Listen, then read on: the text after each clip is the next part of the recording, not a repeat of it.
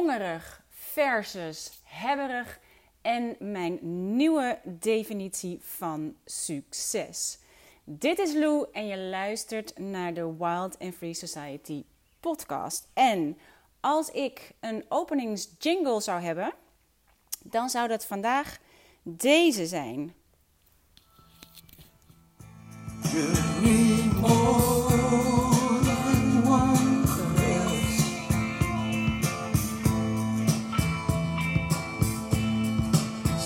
David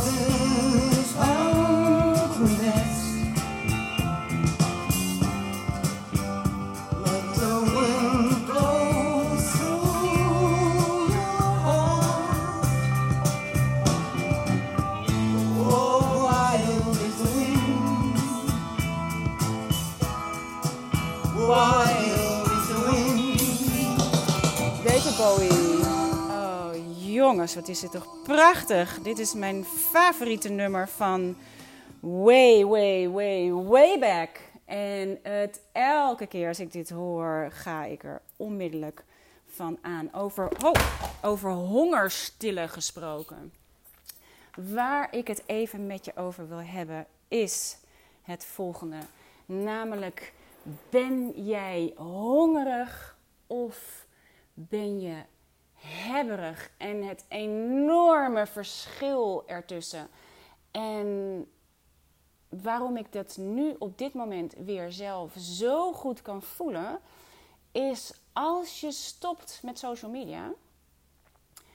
Uh, en omdat ik nu mijn social suicide uh, heb doorgevoerd en ik echt een laagje dieper kan komen met wat ik ook alweer zelf denk en ook alweer zelf wil en ook alweer zelf vind, kan ik hier heel goed bij komen. Want wat er gebeurt bij mij als ik heel veel online ben en dus heel veel wordt blootgesteld aan niet alleen meningen van anderen, ideeën van anderen, plaatjes van anderen, beelden van anderen, interesses van anderen, opinies van anderen, maar vooral ook door het aanbod van anderen.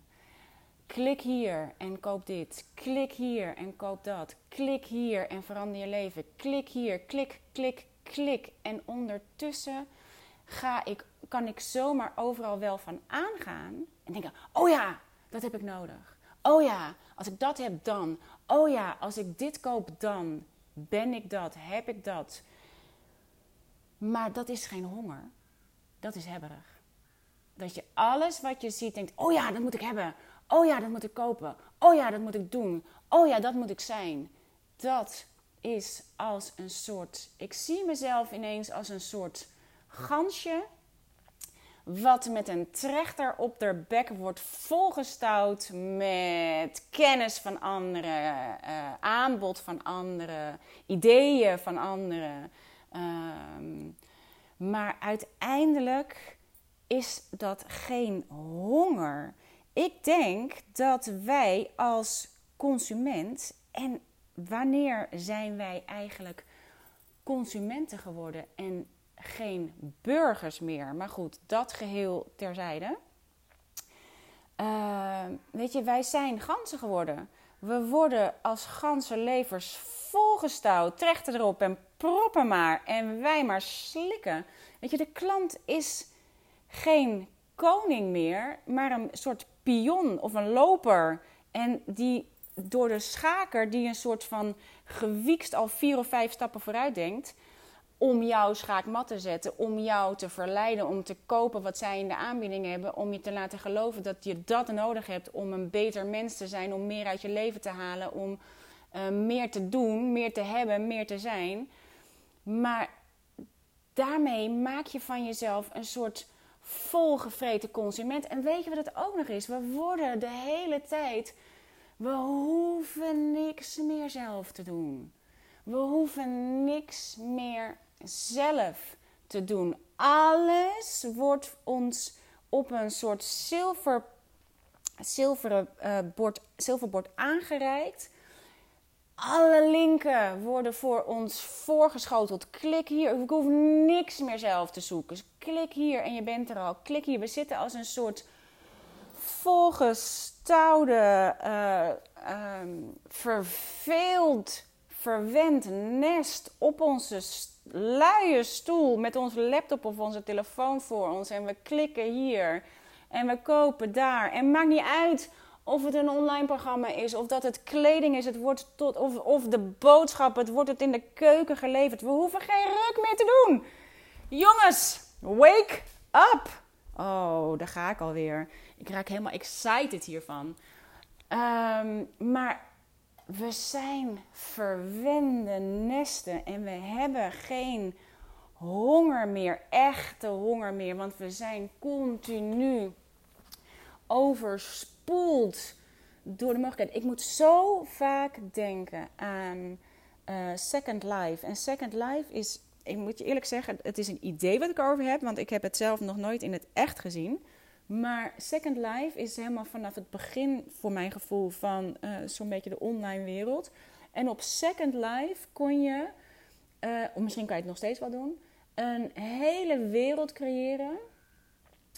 Inclusief banen, soort geld. Je kon, je kon zijn wie je wilde zijn op Second Life. Je kon jezelf helemaal creëren zoals je het allerliefst zou willen zijn. En op dat Second Life kon je dus een heel leven leiden virtueel wel te verstaan. Want je first life, je eerste life, ik dacht ik, als ik even uitzoom, dan zie ik mijn first life, als ik dat zou doen, als iemand die zit op een stoel achter de computer en eh, in een soort van blauw licht vertoeft de hele dag om haar second life te leven online, virtueel, geheel bedacht maar mijn echte leven is gewoon achter de computer. Mijn echte leven is zitten op een stoel en achter een computer pretenderen te zijn wie ik zou willen zijn, terwijl ik er ook op uit kan gaan om het leven te creëren wat ik echt wil leven. First life, first hand.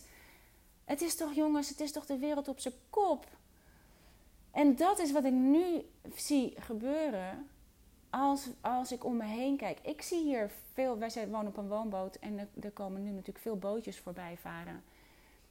Het is werkelijk ongelooflijk, maar bijna iedereen op de boot is weliswaar op de boot, maar zit op zijn telefoon.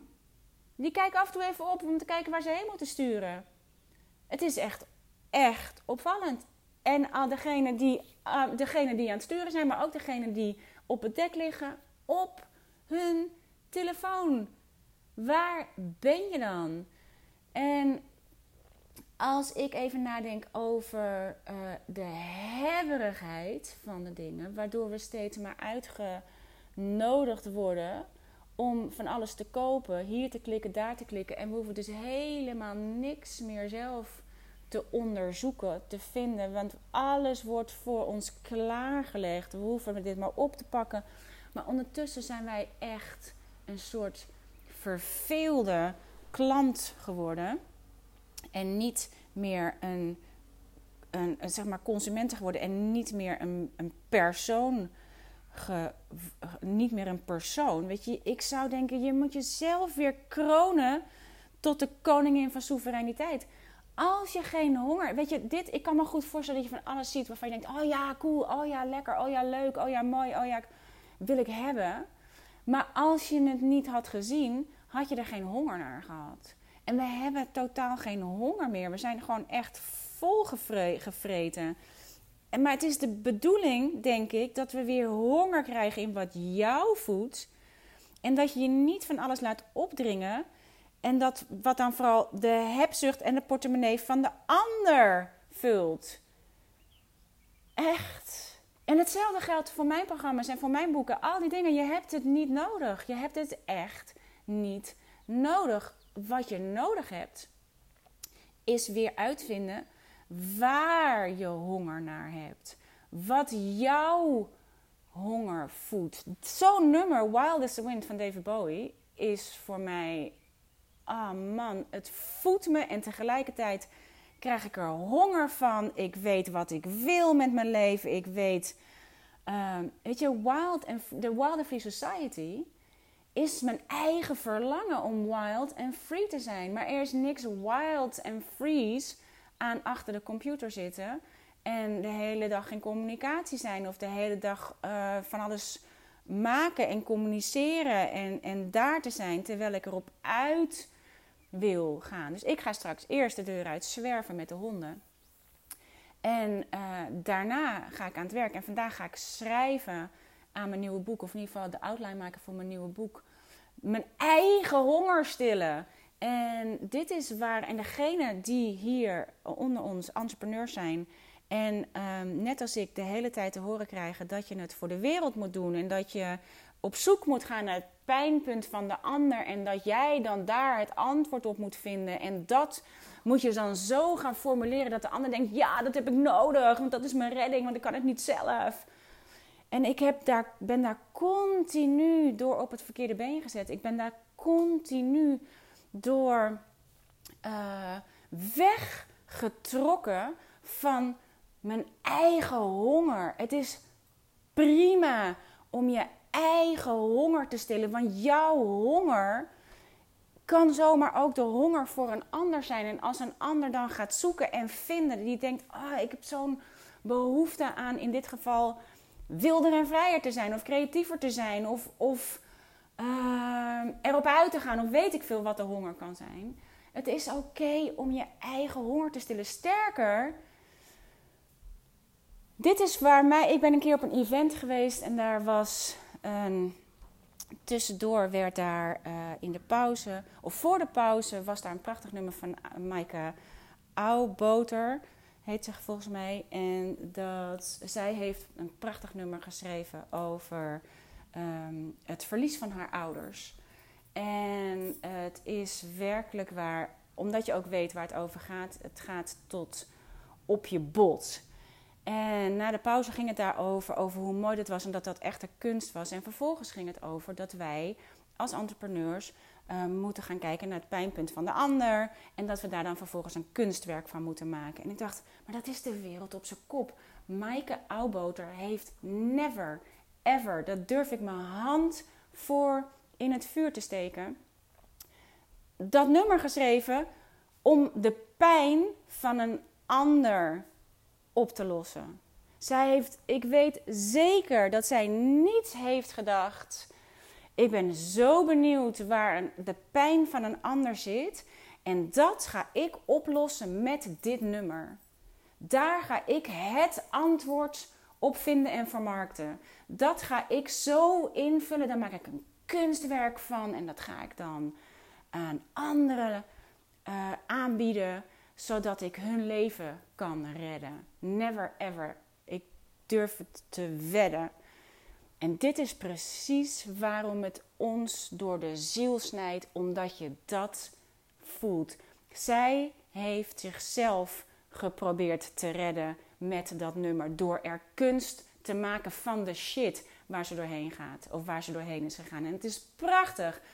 En ik dacht, ik kan alleen maar mijn eigen shit opruimen. Ik kan alleen maar mijn eigen pijn uh, voelen, mijn eigen pijn uh, stillen. Omdat die pijn, dat is je honger. De pijn is waar je uh, op zoek gaat naar hoe dan, hoe dan, hoe dan, hoe wil ik leven, wie wil ik zijn. En laat je niet volstouwen door al die vermarkte ideeën van entrepreneurs die op zoek gaan naar onze pijn en die dan denken: ik heb daar het antwoord op en dit is het antwoord en zonder dit kan je niet. Bullshit. Wat een komt hier ineens naar boven. Frustratie, ongetwijfeld. En dat is niet wat het is. Maar het is, ja, het is wel frustratie vanaf mijn kant gezien. Uh, dat is niet waarvan ik dacht, daar wil ik eens een podcast over maken. Maar zoals ik video's deed als one-takers, wil ik mijn, mijn uh, podcast ook als one-taker doen. En dit is precies waarom ik het fijn vind om uh, dingen uit te spreken. Omdat ik dan zelf de, de flow kan volgen van wat er komt. En blijkbaar uh, gaat het hierheen. Maar het heeft natuurlijk wel met elkaar te maken, omdat wij vaak de wereld op zijn kop zien. Als je een entrepreneur bent, dan ben je geneigd te denken dat jij het probleem van een ander op moet lossen. En als jij een probleem hebt, dan ben je geneigd te denken dat een ander het antwoord weet. En beide zitten er in mijn ogen naast. Beide zitten er in mijn ogen naast, want je kunt heel prima je eigen oplossingen bedenken. Althans, nee. Je kunt heel goed je eigen pijn voelen. En dan kun je zelf op zoek gaan naar wat daar de beste oplossing voor is. Maar als je de hele tijd online bent en de hele tijd blootgesteld wordt aan allerlei dingen die je, zeg maar, aan al die vermarkte ideeën van anderen om pijnpunten op te. Jongens, we hebben allemaal pijn en we hebben allemaal ergens wel iets op zitten. En we denken allemaal dat als je zoiets voorbij ziet komen, dat het voor jou is, omdat het aanspreekt op al onze pijnpunten. Maar het gaat natuurlijk over dat je je misschien niet zo moet focussen op je pijn, maar moet focussen op je joy. We kunnen, al die, we kunnen ons de hele tijd richten op pijn en de hele tijd richten op de problemen die we hebben en de hele tijd denken dat we dat moeten oplossen. Maar misschien is het maar een kwartslag bij je vandaan. En op het moment dat je je gaat focussen op je joy, op het moment dat je je gaat focussen op je vrijheid, op het moment dat je je gaat focussen op je honger, jouw honger, je eigen honger, dan kom je veel verder en op hele andere plekken uit dan wanneer je gaat focussen op je, je de problemen die je hebt. En uh, je laat meeslepen door de hebberigheid van de dingen die er voorbij komen. Of ze nou gericht zijn om je, op je, uh, je pijn op te lossen, of dat ze gericht zijn op um, je verlangens die je zou moeten hebben. En dat ze je halen naar meer, meer, meer, groter, groter, groter, meer, meer, meer. Dan heb je geen honger. Dan word je volgestouwd door het idee van een ander. Dan word je volgestouwd door uh, niet goed genoeg. Je wordt volgestouwd door het idee dat je nog niet kan wat je wil. Dat je nog niet hebt wat je wil. Dat je nog niet doet wat je wil. Dat is wat we allemaal meege... Uh, wat we allemaal onderhuids meekrijgen. En dit is iets wat... Um, uh, wat, wat groteske vormen aan het aannemen is, omdat we onszelf er de hele tijd aan blootstellen. Als je niet weet wat een ander al in de aanbieding heeft, als je niet weet welke problemen je allemaal kan hebben, omdat, je, omdat je ze niet voorbij ziet komen in de vorm van een goed vermarkt idee, dan heb je er geen last van. Dan hoef je helemaal niks op te lossen, want er valt niks op te lossen. Je bent helemaal vrij. En je bent veel dichterbij dan je, bent, dan je denkt. Je bent veel vrijer dan je denkt. Je kunt veel meer dan je denkt. En als je even een stapje terugneemt en je gaat gewoon weer zwerven en dwalen. En je gaat weer naar muziek luisteren. En je gaat weer boeken lezen en literatuur lezen. En in goede literatuur zit alles. Als je echt oplossingen zoekt, pak een goed boek. Daar zit alles in. Alle personages in een goed boek, in goede literatuur, gaan door alle shit heen waar wij doorheen gaan. En daar komen antwoorden, staan gewoon tussen die letters op de pagina. En daar kun jij je mee identificeren en denken: oh, wacht even. En, oh man, ik was zaterdag met pas naar. Uh, uh, hoe heet het? Paddy Smith. Naar een Nexus Symposium over de counterculture. Dat alleen al. Oh man, het woord alleen al. Ik ga daar dus big time van aan. En het ging over um, de hele Beat Generation. En Jack Kerouac. En alle dichters en poets en schrijvers. Jack Kerouac is van On the Road. En, um, uh, en Allen Gainsbourg. En ah man, die tijd dat je denkt, oh ik ben gewoon in de verkeerde tijd geboren. De counterculture. Ik dacht gelijk, oh, we moeten een counterculture café beginnen of de counterculture club. Of, dit hoort helemaal bij mijn online underground gevoel. Bij, het is oké om er niet in te passen. Het is oké om niet succesvol te zijn. Het is oké om, om te doen wat jouw honger stilt. Ook als dat niet wereldschokkend is, ook als dat niet is wat de mainstream doet. Ook als dat counter staat, haaks staat op wat er op dit moment gaande is. Ook als het niet past in de tijd waarin je wel geboren bent. Ik hoor daar, maar ik werd toen net geboren. Maar dat is, daar ligt mijn verlangen. Daar ligt mijn verlangen. Mijn verlangen ligt bij kunstenaars en bij filosofen en bij muzikanten en bij schrijvers en bij rebels en bij, um, de, bij de counterculture. Ik ben veel liever de counterculture. De counterculture culture girl. Ik ben veel liever, veel kleiner, maar veel echter dan dat ik me laat meeslepen door succes en door status en door staf. En het is wat er automatisch gebeurt. In mijn geval is dit wat er is gebeurd op het moment dat ik van mijn boeken een business ging maken. Dat ik van mijn boeken. Wat is een. Is een uh, uh, uh, dat doe je zelf. Dat doe je alleen. Dat doe je met jezelf. In mijn geval ook nog voor jezelf. Maar dat is een heel andere kwaliteit dan een entrepreneur zijn of een ondernemer zijn en een business hebben en een online business hebben. En in, waar je ineens te maken krijgt met, met dingen die. Um, ja, waarvan je van tevoren niet wist dat dat allemaal bij het runnen van een business hoort. En ik heb vorig jaar in uh, LA een, um, een soort high-end programma gedaan bij Ellie Brown. En zij is een soort business coach, guru, persoon. En de reden dat ik daarheen wilde is omdat zij ook genoeg heeft van, van de manier waarop business gedaan wordt. En ik dacht, oh, misschien dat er een andere manier uh, nodig is. En ik dacht, oh, misschien heeft zij antwoorden voor mij, omdat dit mijn worsteling is. Dit is dus mijn pijnpunt. En uh, zij zat op dat pijnpunt. Zij dacht, ik dacht, ja, ik wil het ook anders doen. Ik pas niet in de gewone vorm van business doen. Ik pas niet in de gewone vorm van um, uh, hoe je een business begint en onderhoudt en runt en, en uh, je, um, je waar aan de markt brengt. Dus ik ging daarheen en er waren met 50 andere entrepreneurs. En dit waren echt grote, echt grote spelers, weet je, die allemaal in de 7 en 8 figures zitten. En um, het was een klein groepje, 50 vrouwen. En de grap is dat zij allemaal een soort van burnt out waren. Om, waarom? Omdat ze ineens teams moesten managen. En ineens het werk wat ze deden oorspronkelijk, waar ze ooit mee begonnen waren, dat ze dat niet meer deden. Omdat ze, een, ja, omdat het, omdat ze zo eh, enorm gegroeid waren en zo groot waren geworden. En ze ineens een, een soort van business managers waren geworden in plaats van de creatievelingen die ooit uh, de business waren begonnen. En uh, de grootste grap was nog dat ze allemaal tegen mij zeiden: I want what you have, your freedom and your creativity and your edginess. En ik dacht, en wat ben ik dan aan het streven naar een, een uh, succesvolle business? Wat ben ik dan aan het streven naar? Waar ben ik dan naar aan het streven? Wat is dat? Welke, wat gaat daar aan? Aan hebberigheid?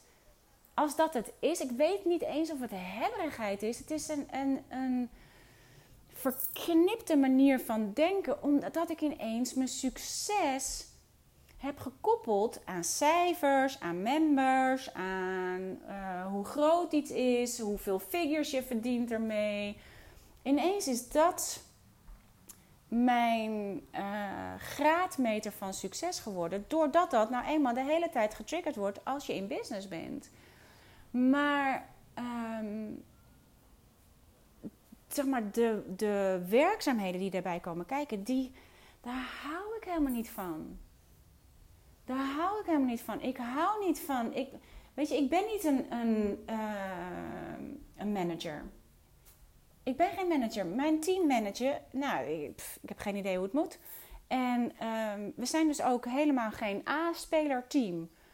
En is dat erg? Ja, dat, dat zou kunnen. Succeswise zou dat heel goed kunnen dat dat niet verstandig is. Maar hebben we het nou een zin? Absoluut. We zijn allemaal aan het leren. We zijn ook allemaal bereid om te leren. We zijn ook allemaal enthousiast over wat we aan het doen zijn. Maar ik ben geen manager. Ik ben hooguit een leider. En ook daarvan kan ik me afvragen of het waar is. Maar ik snap heel goed dat ik mijn eigen succes uh, tegenwerk op deze manier. Maar die manier van naar succes toe is niet mijn manier. Het is niet wie ik wil zijn. En boven alles is het niet hoe ik wil leven. Al deze entrepreneurs waren een soort van burnt out, omdat ze al die vrijheid die je denkt te hebben als entrepreneur helemaal niet konden nemen. Helemaal niet konden voelen. Ze waren allemaal 80 uur per week aan het werk. Er is niemand, niemand in de business waar ik in zit, waar, waarvan ik denk, uh, die hebben misschien fantastische omzetten en die hebben misschien fantastische uh, uh, inkomsten en members en weet ik veel wat, allemaal, wat je allemaal kunt hebben. What have you. Maar niemand heeft het leven wat ik wil. Ik kan me met niemand vereenzelvigen. Ik kan me met niemand um, die daar is, zeg maar waar ik dacht dat ik heen wilde. En waar ik dan naar ga kijken en denk ik, oh wauw, dat leven, dat is uh, het leven wat ik wil. Van geen één. Met alle levens denk ik, oh nee, dankjewel. Als dat is wat ik, hoe mijn leven er dan uitziet, nee, dank je. Als dat is wat er gekoppeld zit aan een, een six or seven or eight figure business, zoals we dat allemaal zo mooi noemen de hele tijd onder andere entrepreneurs. Nee, dank je. De enige met wie ik me kan identificeren als, uh, als entrepreneur en als persoon is uh, Sophie Ditmar van Sophie's Choice. Zij doet het ook uh, met een hoop vrijheid. Ehm, wij kunnen, als wij elkaar willen zien, dan kunnen we eigenlijk altijd. Ja, ik kan. Ja, ik kan ook. Want we zitten niet helemaal volgestouwd. We zitten niet helemaal uh, tot onze nek erin.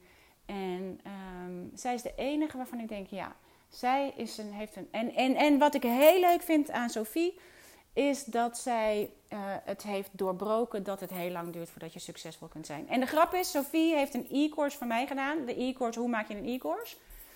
En die is vervolgens um, sky high gegaan daarmee. Ik ga ook mijn eigen e-course maar weer eens doen. En zij, um, ik heb een T for Two met Lou en haar gedaan daarover. Die kan je op mijn blog vinden als je het leuk vindt. Uh, daar hebben we een video over gedaan, die staat daar ook bij. En uh, zij is dus de enige waarvan ik denk, ja, zo uh, wil ik wel een, uh, een six-figure business of een seven-figure business of een eight-figure business, whatever. maar wat ik niet wil is me daarop focussen. Ik wil vrijheid. Dus ik heb een nieuwe vorm van ehm, succes. Niet een nieuwe vorm, maar wel een nieuwe graadmeter van succes ehm, voor mezelf.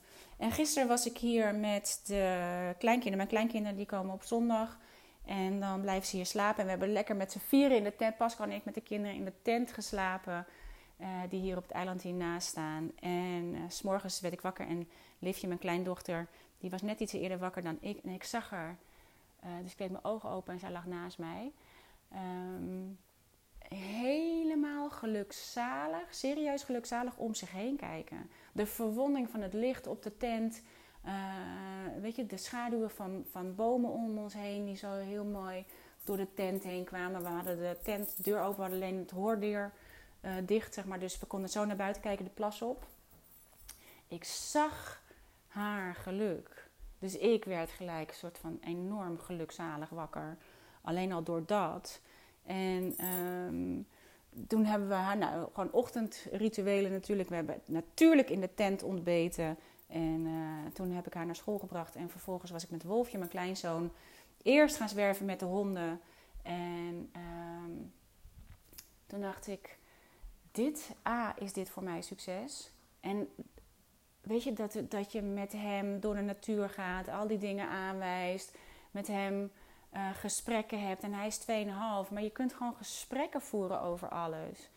En dat ik, dat, ik word er zo gelukkig van.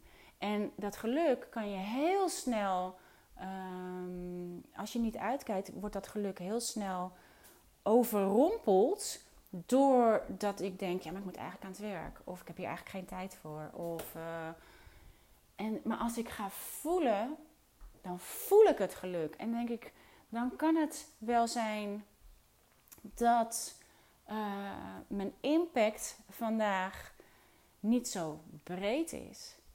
Maar ik weet zeker dat mijn impact vandaag heel diep is. Dat mijn impact vandaag absoluut van toegevoegde waarde is. Dat ik mijn impact vandaag door met de kinderen in de tent te slapen, door op avontuur te gaan, door samen met ze te zijn. Dat is wat impact is. Dat is wat succes is. En ik wil me daaraan blijven vasthouden. Dit is wat succes voor mij is. Hoe ziet iemand die succesvol is eruit in mijn ogen? Dit. Met mijn kleinzoon op avontuur, zwerven met de honden, tijd hebben om te kijken, om te luisteren, om aanwezig te zijn. Slapen met de kinderen in een tent. Uh, mensen die onverwacht langskomen varen uh, met elkaar uh, om de tafel en praten. En ja, dan gaan die kinderen later naar bed. Zwa! Dat is geluk.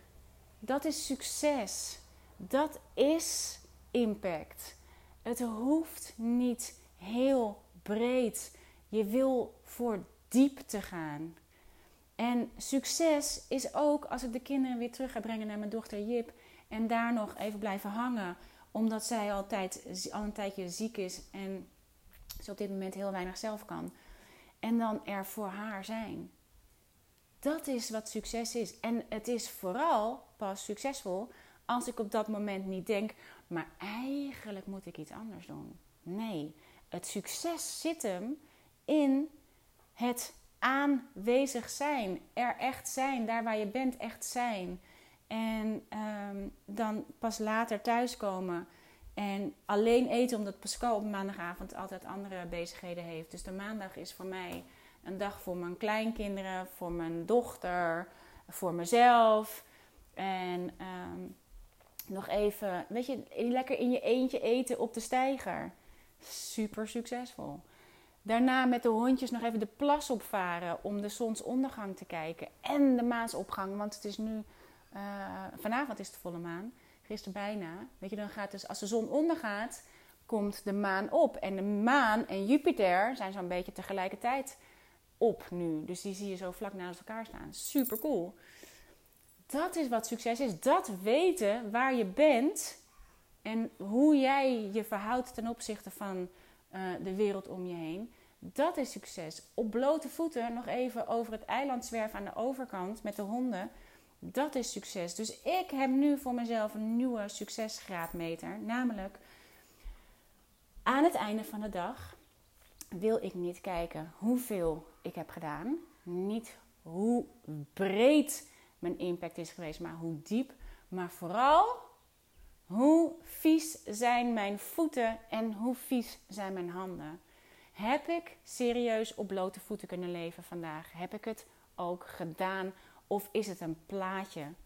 Het laatste wat ik wil is een plaatje creëren en een ander het verlangen naar leven op je blote voeten geven. En ondertussen zelf stevig in mijn schoenen moeten staan om al die verleidingen maar te weerstaan.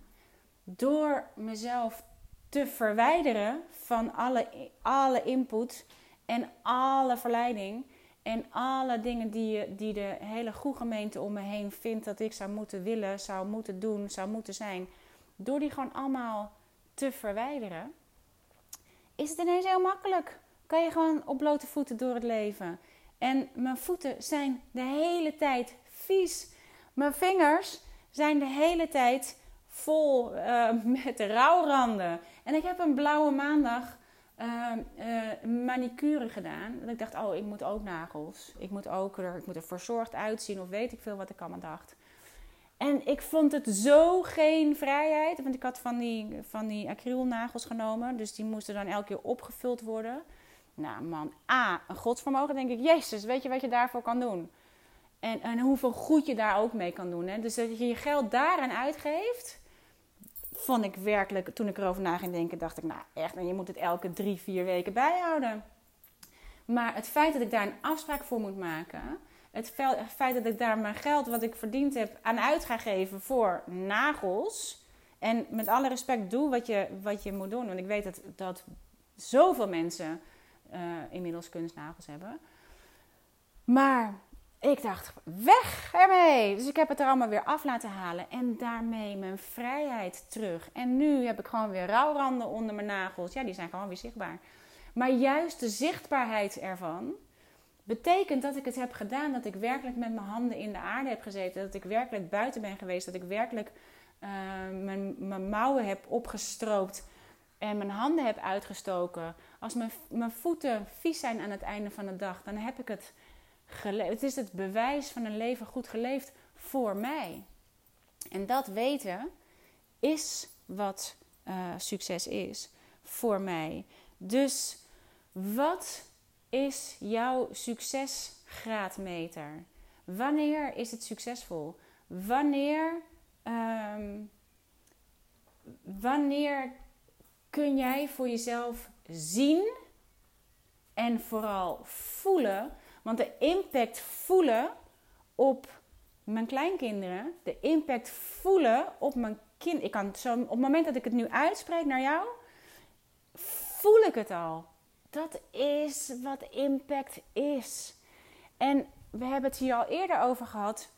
Als mijn impact op één persoon zo groot is dat die ene persoon de wereld in kan en haar of zijn uh, honger kan stillen met haar of zijn eigen verlangens, omdat ik heb geholpen die verlangens bloot te leggen, omdat ik heb geholpen die verlangens te leven, omdat ik heb meegekeken naar de verlangens van een kind, naar de nieuwsgierigheid van een kind, omdat ik de tijd heb gemaakt om mee te bewegen in de honger van mijn kleinkinderen en mijn kinderen, dat is enorm succes. En ik had het in de vorige podcast al eventjes over Jane Goodall en hoe zij vertelt hoe haar moeder, zonder haar moeder was zij niet Jane Goodall geweest. Zonder haar moeder die haar niet, als de, haar moeder haar niet de vrijheid had gegeven om te experimenteren met de natuur, als haar moeder haar niet had uh, gezien voor wie zij was en wat haar behoefte was, dan had ze niet kunnen zijn wie ze nu is. Dan had haar moeder, als moeder heb je de macht om het, uh, de honger van je kind niet te voeden, maar te smoren. En zelf kijk ik altijd naar uh, als ik dit zeg of dit doe, laat ik dan jouw vuur oplaaien of doof ik jouw vuur? En kies altijd voor het oplaaien van een vuur van een ander. En zorg voor je eigen vuur. Zorg voor je eigen gevoel van in vuur en vlam staan. Want dat is wat impact veroorzaakt. Dat is wat um, waar een ander zich aan kan warmen, waar een ander zich letterlijk aan kan ontvlammen. En um, daarmee geef je het door. Dus je kunt alleen maar in vuur en vlam staan van iets waar je zelf honger in hebt. Als je je de hele tijd vol laat stouwen door uh, voeding van een ander, van wat een ander vindt dat jij zou moeten willen, omdat zij vinden dat jij daar behoefte aan hebt. En jij daar met open ogen intuint. Omdat het ergens een verlangen aanspreekt. Omdat het erg. Niet, nee, ik geloof het niet. Het is niet een verlangen wat het aanspreekt. Het is een angst wat het aanspreekt. Het is een angst dat als je dat niet hebt, dat je dan niet genoeg bent. Dat je niet goed genoeg bent. Het is allemaal angst om niet genoeg te hebben, om niet genoeg te zijn, om niet genoeg te doen. Dat is de angst. En ehm, dat is niet waar jij uh, door gevoed wordt. Angst is wat ons kapot vreet van binnen. Angst is wat ervoor zorgt dat wij ons maar de hele tijd laten overspoelen door al die keuzes die we moeten maken. Maar vrijheid is een vrijheid die je kunt voelen. Het is een vrijheid in verbondenheid met de omgeving waar je bent. Je echte omgeving, je eigen omgeving. Je werkelijke omgeving, dus niet je virtuele omgeving. Want 9 van de 10 keer is het juist door het feit dat we de continu online zijn, is dat degene waar het echt om gaat en voor wie het er echt toe doet, dat zij daaronder lijden. Omdat we daar even geen tijd voor hebben, geen oog voor hebben, geen aandacht voor hebben. Dus waaraan meet jij je succes af? Zijn het je vieze voeten, je handen? Mijn handen, het gaat niet alleen over rouwranden omdat ik buiten ben geweest de hele dag. Zit er verf op? Heb ik ze gebruikt? Heb ik mijn leven aangepakt? Heb ik het, ben ik erin aanwezig geweest? Heb ik de spullen waar ik van hou door mijn handen laten gaan? Heb ik de mensen van wie ik hou uh, in mijn handen, in mijn armen gehad? Heb ik mijn handen gebruikt? Ik heb het in mijn vingers. Letterlijk. Ik kan het voelen als ik met mijn vingers de contouren van het gezicht van mijn kleinkind naga terwijl ze ligt te slapen. Dan voel ik dat ik het letterlijk in mijn vingers heb. Als ik uh, mijn eigen dochter even zo over de hoofdstreep streel, als ik beide ben gisteren en ze gelijk met haar hoofd op mijn schoot komt liggen en ze zo blij is dat ik er ben, uh, dan heb ik het letterlijk in mijn vingers. Ik kan mijn vingers gebruiken om lief te hebben, of ik kan mijn vingers gebruiken om uh, steeds iets te typen op mijn telefoontje. Maar de liefde voor de, de echtheid van de mensen om me heen, versus um, het weg te geven aan allerlei mensen online, aan hartjes daar, ja, hartjes, hartje hier, hartje daar. Even uh, duimpje omhoog, duimpje naar beneden. Het kan enorm verbinden, maar het kan je enorm verwijderen van echte liefde, van echte um, connectie, van wat je echt in je vingers kunt hebben. En je hebt goud in handen. En dat is misschien niet een six of seven of eight figure business. Dat kan zijn. Het is misschien niet een enorme. Dat vind ik heel leuk van hier wonen waar wij wonen. Op een woonboot. Wij wonen front row. Wij wonen echt, echt fantastisch. Maar wij liggen voor al die miljoenen huizen die uh, hierachter liggen met ons bootje. Ik vind het te geestig voor woorden. Wij liggen daarvoor. Wij liggen front row. Front row is niet hetzelfde als first class. En de grap is, ik hou helemaal niet van first class. Ik hou van front row.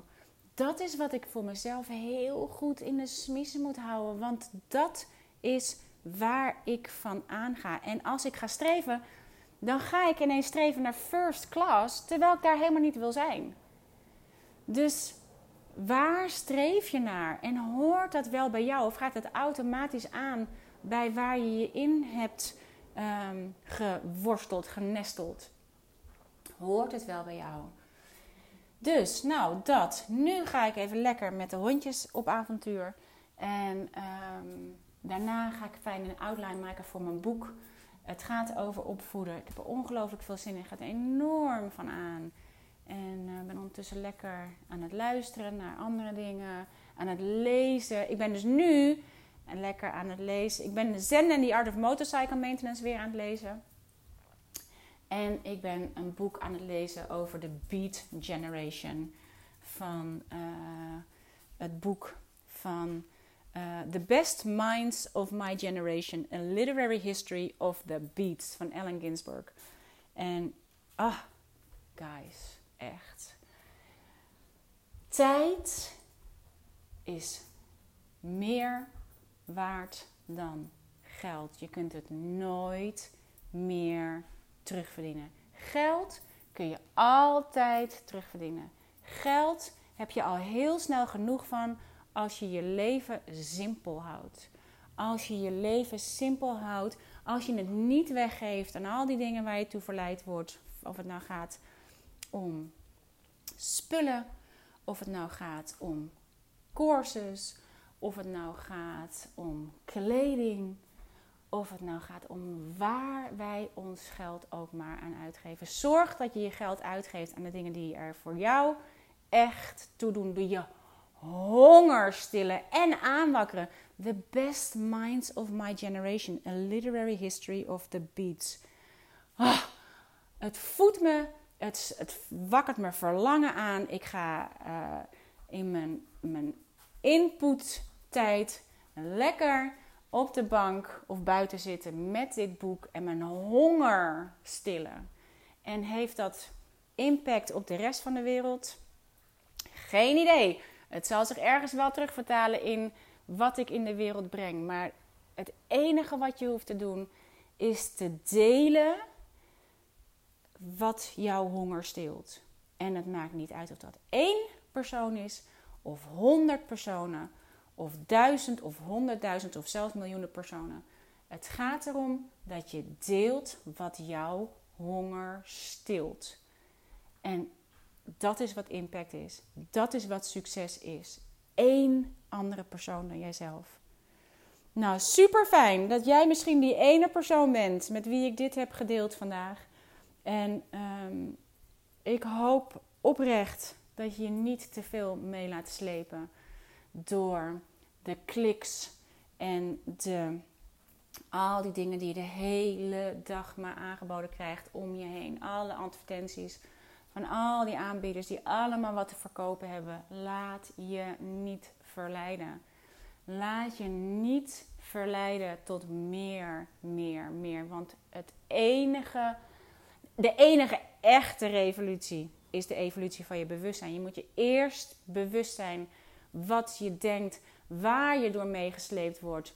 En als je groot en meeslepend wil leven, dan kun je je niet steeds groot laten meeslepen door al die dingen van buitenaf. Het ligt in jou. Het ligt in jou. Ga naar binnen, ga naar binnen, ga naar binnen. Tenminste, naar binnen in jezelf. En ik kom naar het beste door naar buiten te gaan en mijn voeten heel fijn vies te maken. Dus lieve jongens, dankjewel voor het luisteren wederom naar deze podcast. En wild is the wind. Wild is the wind. Laat je meevoeren op je eigen wind. Laat je meevoeren op die magische mistral van je verlangen, van jouw verlangen, van jouw honger. En ga het stillen met wat er aan jou trekt. En de enige die dat weet, dat ben je zelf. Voor nu heel veel liefst en heel, heel, heel veel dank dat je hier was. En dat ik mijn voeding, wat mijn honger stil, stilt, kon delen met jou. Dag!